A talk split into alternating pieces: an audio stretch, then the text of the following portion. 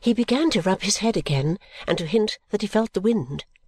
But it was a delightful instance of his kindness towards me that whether he rubbed his head, or walked about, or did both, his face was sure to recover its benignant expression as it looked at mine, and he was sure to turn comfortable again and put his hands in his pockets and stretch out his legs.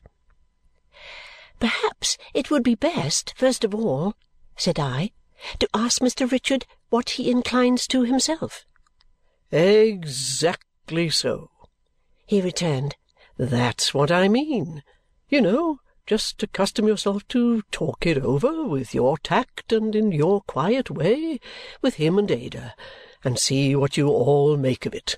We are sure to come at the heart of the matter by your means, little woman. I was really frightened at the thought of the importance I was attaining and the number of things that were being confided to me. I had not meant this at all. I had meant that he should speak to Richard, but of course I said nothing in reply except that I would do my best, though I feared I really felt it necessary to repeat this that he thought me much more sagacious than I was, at which my guardian only laughed the pleasantest laugh I ever heard. "Come!" he said, rising and pushing back his chair. "I think we may have done with the growlery for one day. Only a concluding word, Esther, my dear.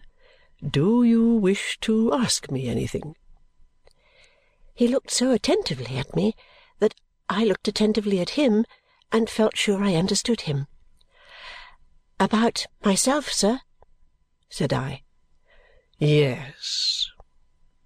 "Guardian," said I, venturing to put my hand, which was suddenly colder than I could have wished, in his, "nothing I am quite sure that if there were anything I ought to know or had any need to know, I should not have to ask you to tell it to me.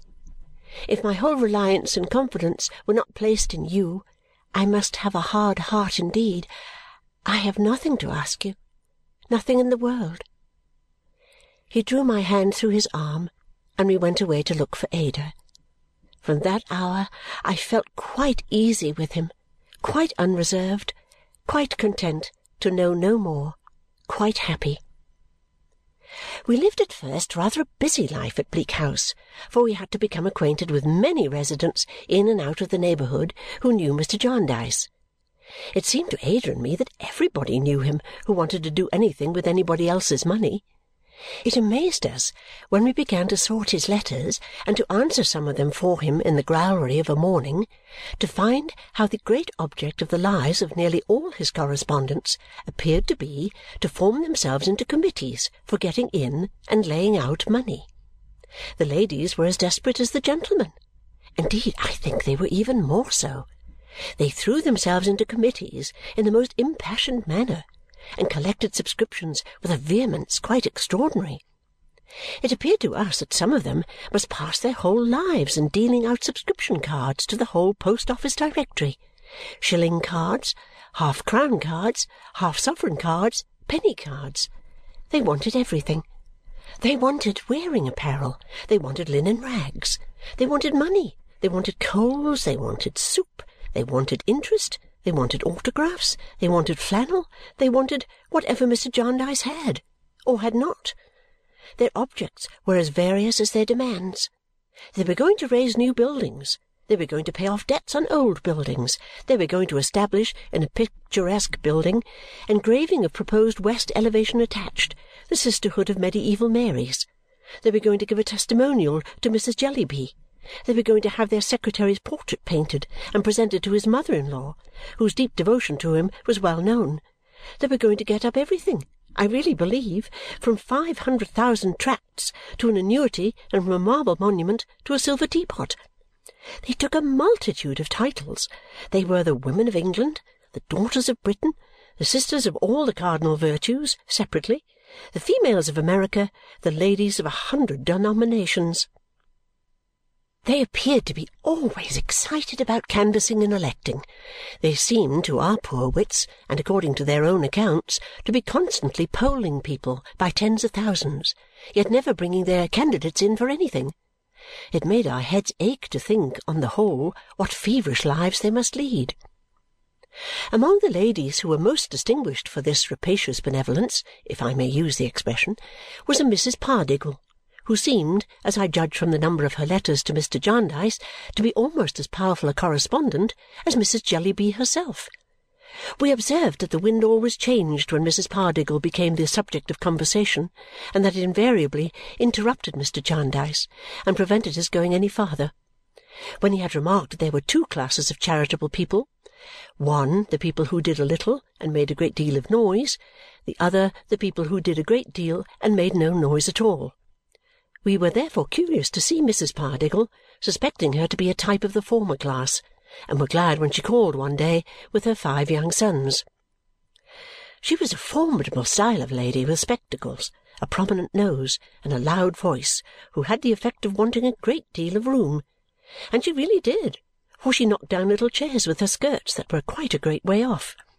As only Ada and I were at home, we received her timidly, for she seemed to come in like cold weather to make the little Pardiggles blue as they followed. "These young ladies," said Mrs. Pardiggle with great volubility after the first salutations, "are my five boys. You may have seen their names in a printed subscription list, perhaps more than one, in the possession of our esteemed friend Mr. Jarndyce. Egbert, my eldest, twelve, is the boy who sent out his pocket money, to the amount of five and threepence, to the Tockahoopo Indians. Oswald, my second, ten and a half, is the child who contributed two and ninepence to the great National Smithers Testimonial. Francis, my third, nine, one and sixpence halfpenny. Felix, my fourth, seven, eightpence, to the superannuated widows. Alfred, my youngest, five, has voluntarily enrolled himself in the infant bonds of joy and is pledged never through life to use tobacco in any form. We had never seen such dissatisfied children. It was not merely that they were weazened and shrivelled though they were certainly that too, but they looked absolutely ferocious with discontent.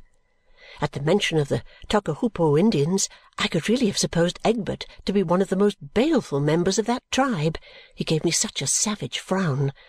The face of each child, as the amount of his contribution was mentioned, darkened in a peculiarly vindictive manner, but his was by far the worst. I must except, however, the little recruit into the infant bonds of joy who was stolidly and evenly miserable. "You have been visiting, I understand," said Mrs. Pardiggle, "at Mrs. Jellyby's." We said yes. We had passed one night there. "Mrs. Jellyby," pursued the lady, always speaking in the same demonstrative loud hard tone, so that her voice impressed my fancy as if it had a sort of spectacles on too and I may take the opportunity of remarking that her spectacles were made the less engaging by her eyes, being what Ada called choking eyes, meaning very prominent. Mrs. Jellyby is a benefactor to society and deserves a helping hand. My boys have contributed to the African project, Egbert one and six being the entire allowance of nine weeks. Oswald, one and a penny halfpenny, being the same, the rest according to their little means. Nevertheless, I do not go with Mrs. Jellyby in all things. I do not go with Mrs. Jellyby in her treatment of her young family. It has been noticed, it has been observed, that her young family are excluded from participation in the objects to which she is devoted. She may be right, she may be wrong, but Right or wrong, this is not my course with MY young family. I take them everywhere." I was afterwards convinced, and so was Ada, that from the ill-conditioned eldest child these words extorted a sharp yell.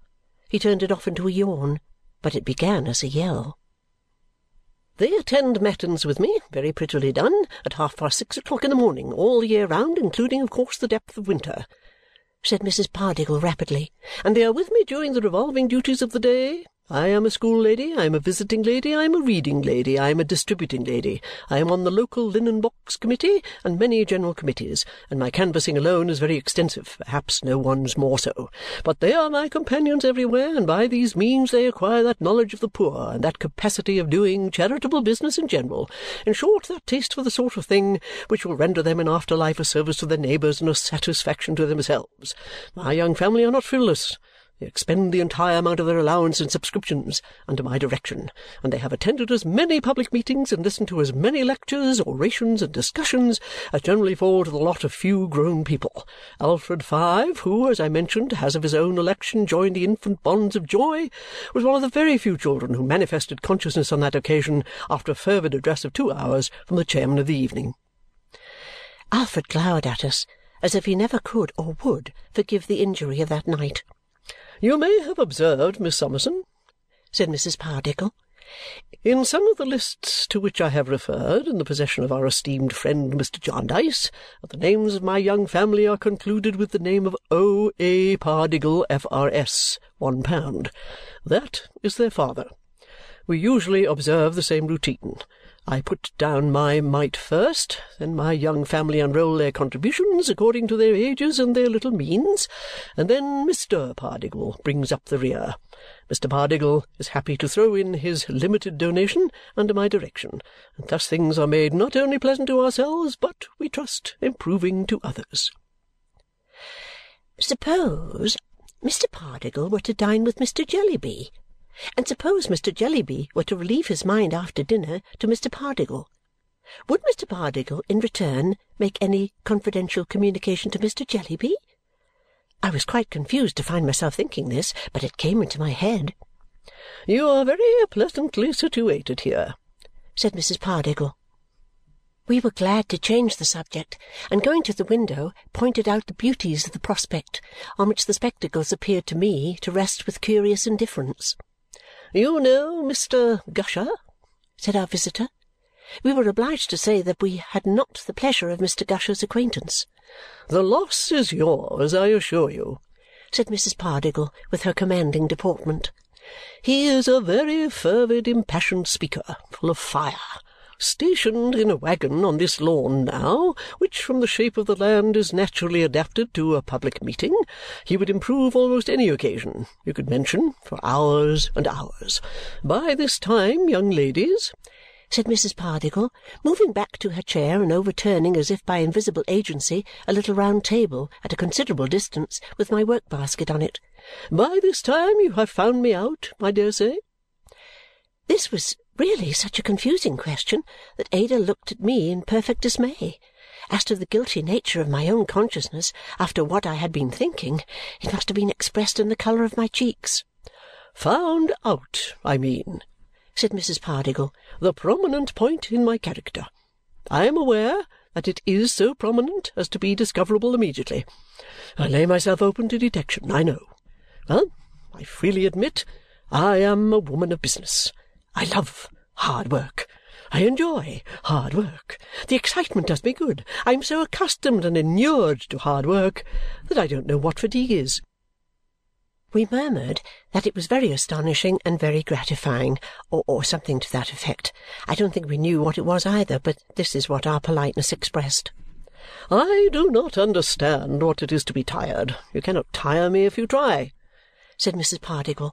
The quantity of exertion, which is no exertion to me, the amount of business, which I regard as nothing, that I go through sometimes astonishes myself.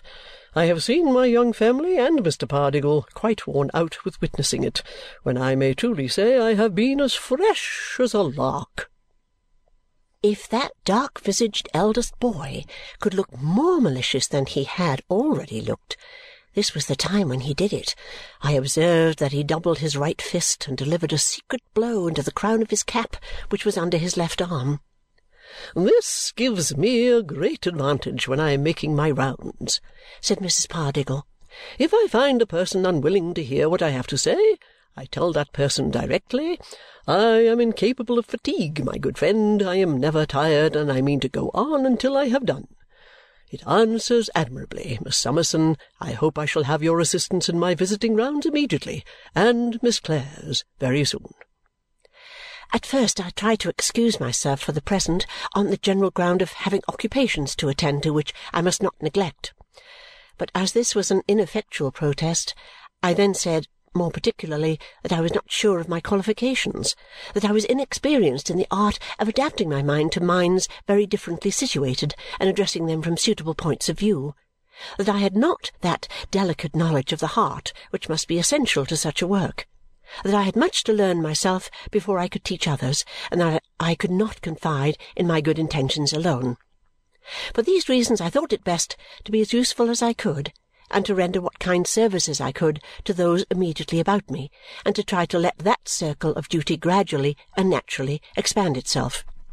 All this I said with anything but confidence because Mrs. Pardiggle was much older than I and had great experience and was so very military in her manners. "You are wrong, Miss Summerson," said she. But perhaps you are not equal to hard work or the excitement of it, and that makes a vast difference. If you would like to see how I go through my work, I am now about, with my young family, to visit a brickmaker in the neighbourhood, a very bad character, and shall be glad to take you with me. Miss Clare also, if she will do me the favour. Ada and I interchanged looks, and as we were going out in any case, accepted the offer. When we hastily returned from putting on our bonnets, we found the young family languishing in a corner and Mrs. Pardiggle sweeping about the room, knocking down nearly all the light objects it contained. Mrs. Pardiggle took possession of Ada, and I followed with the family.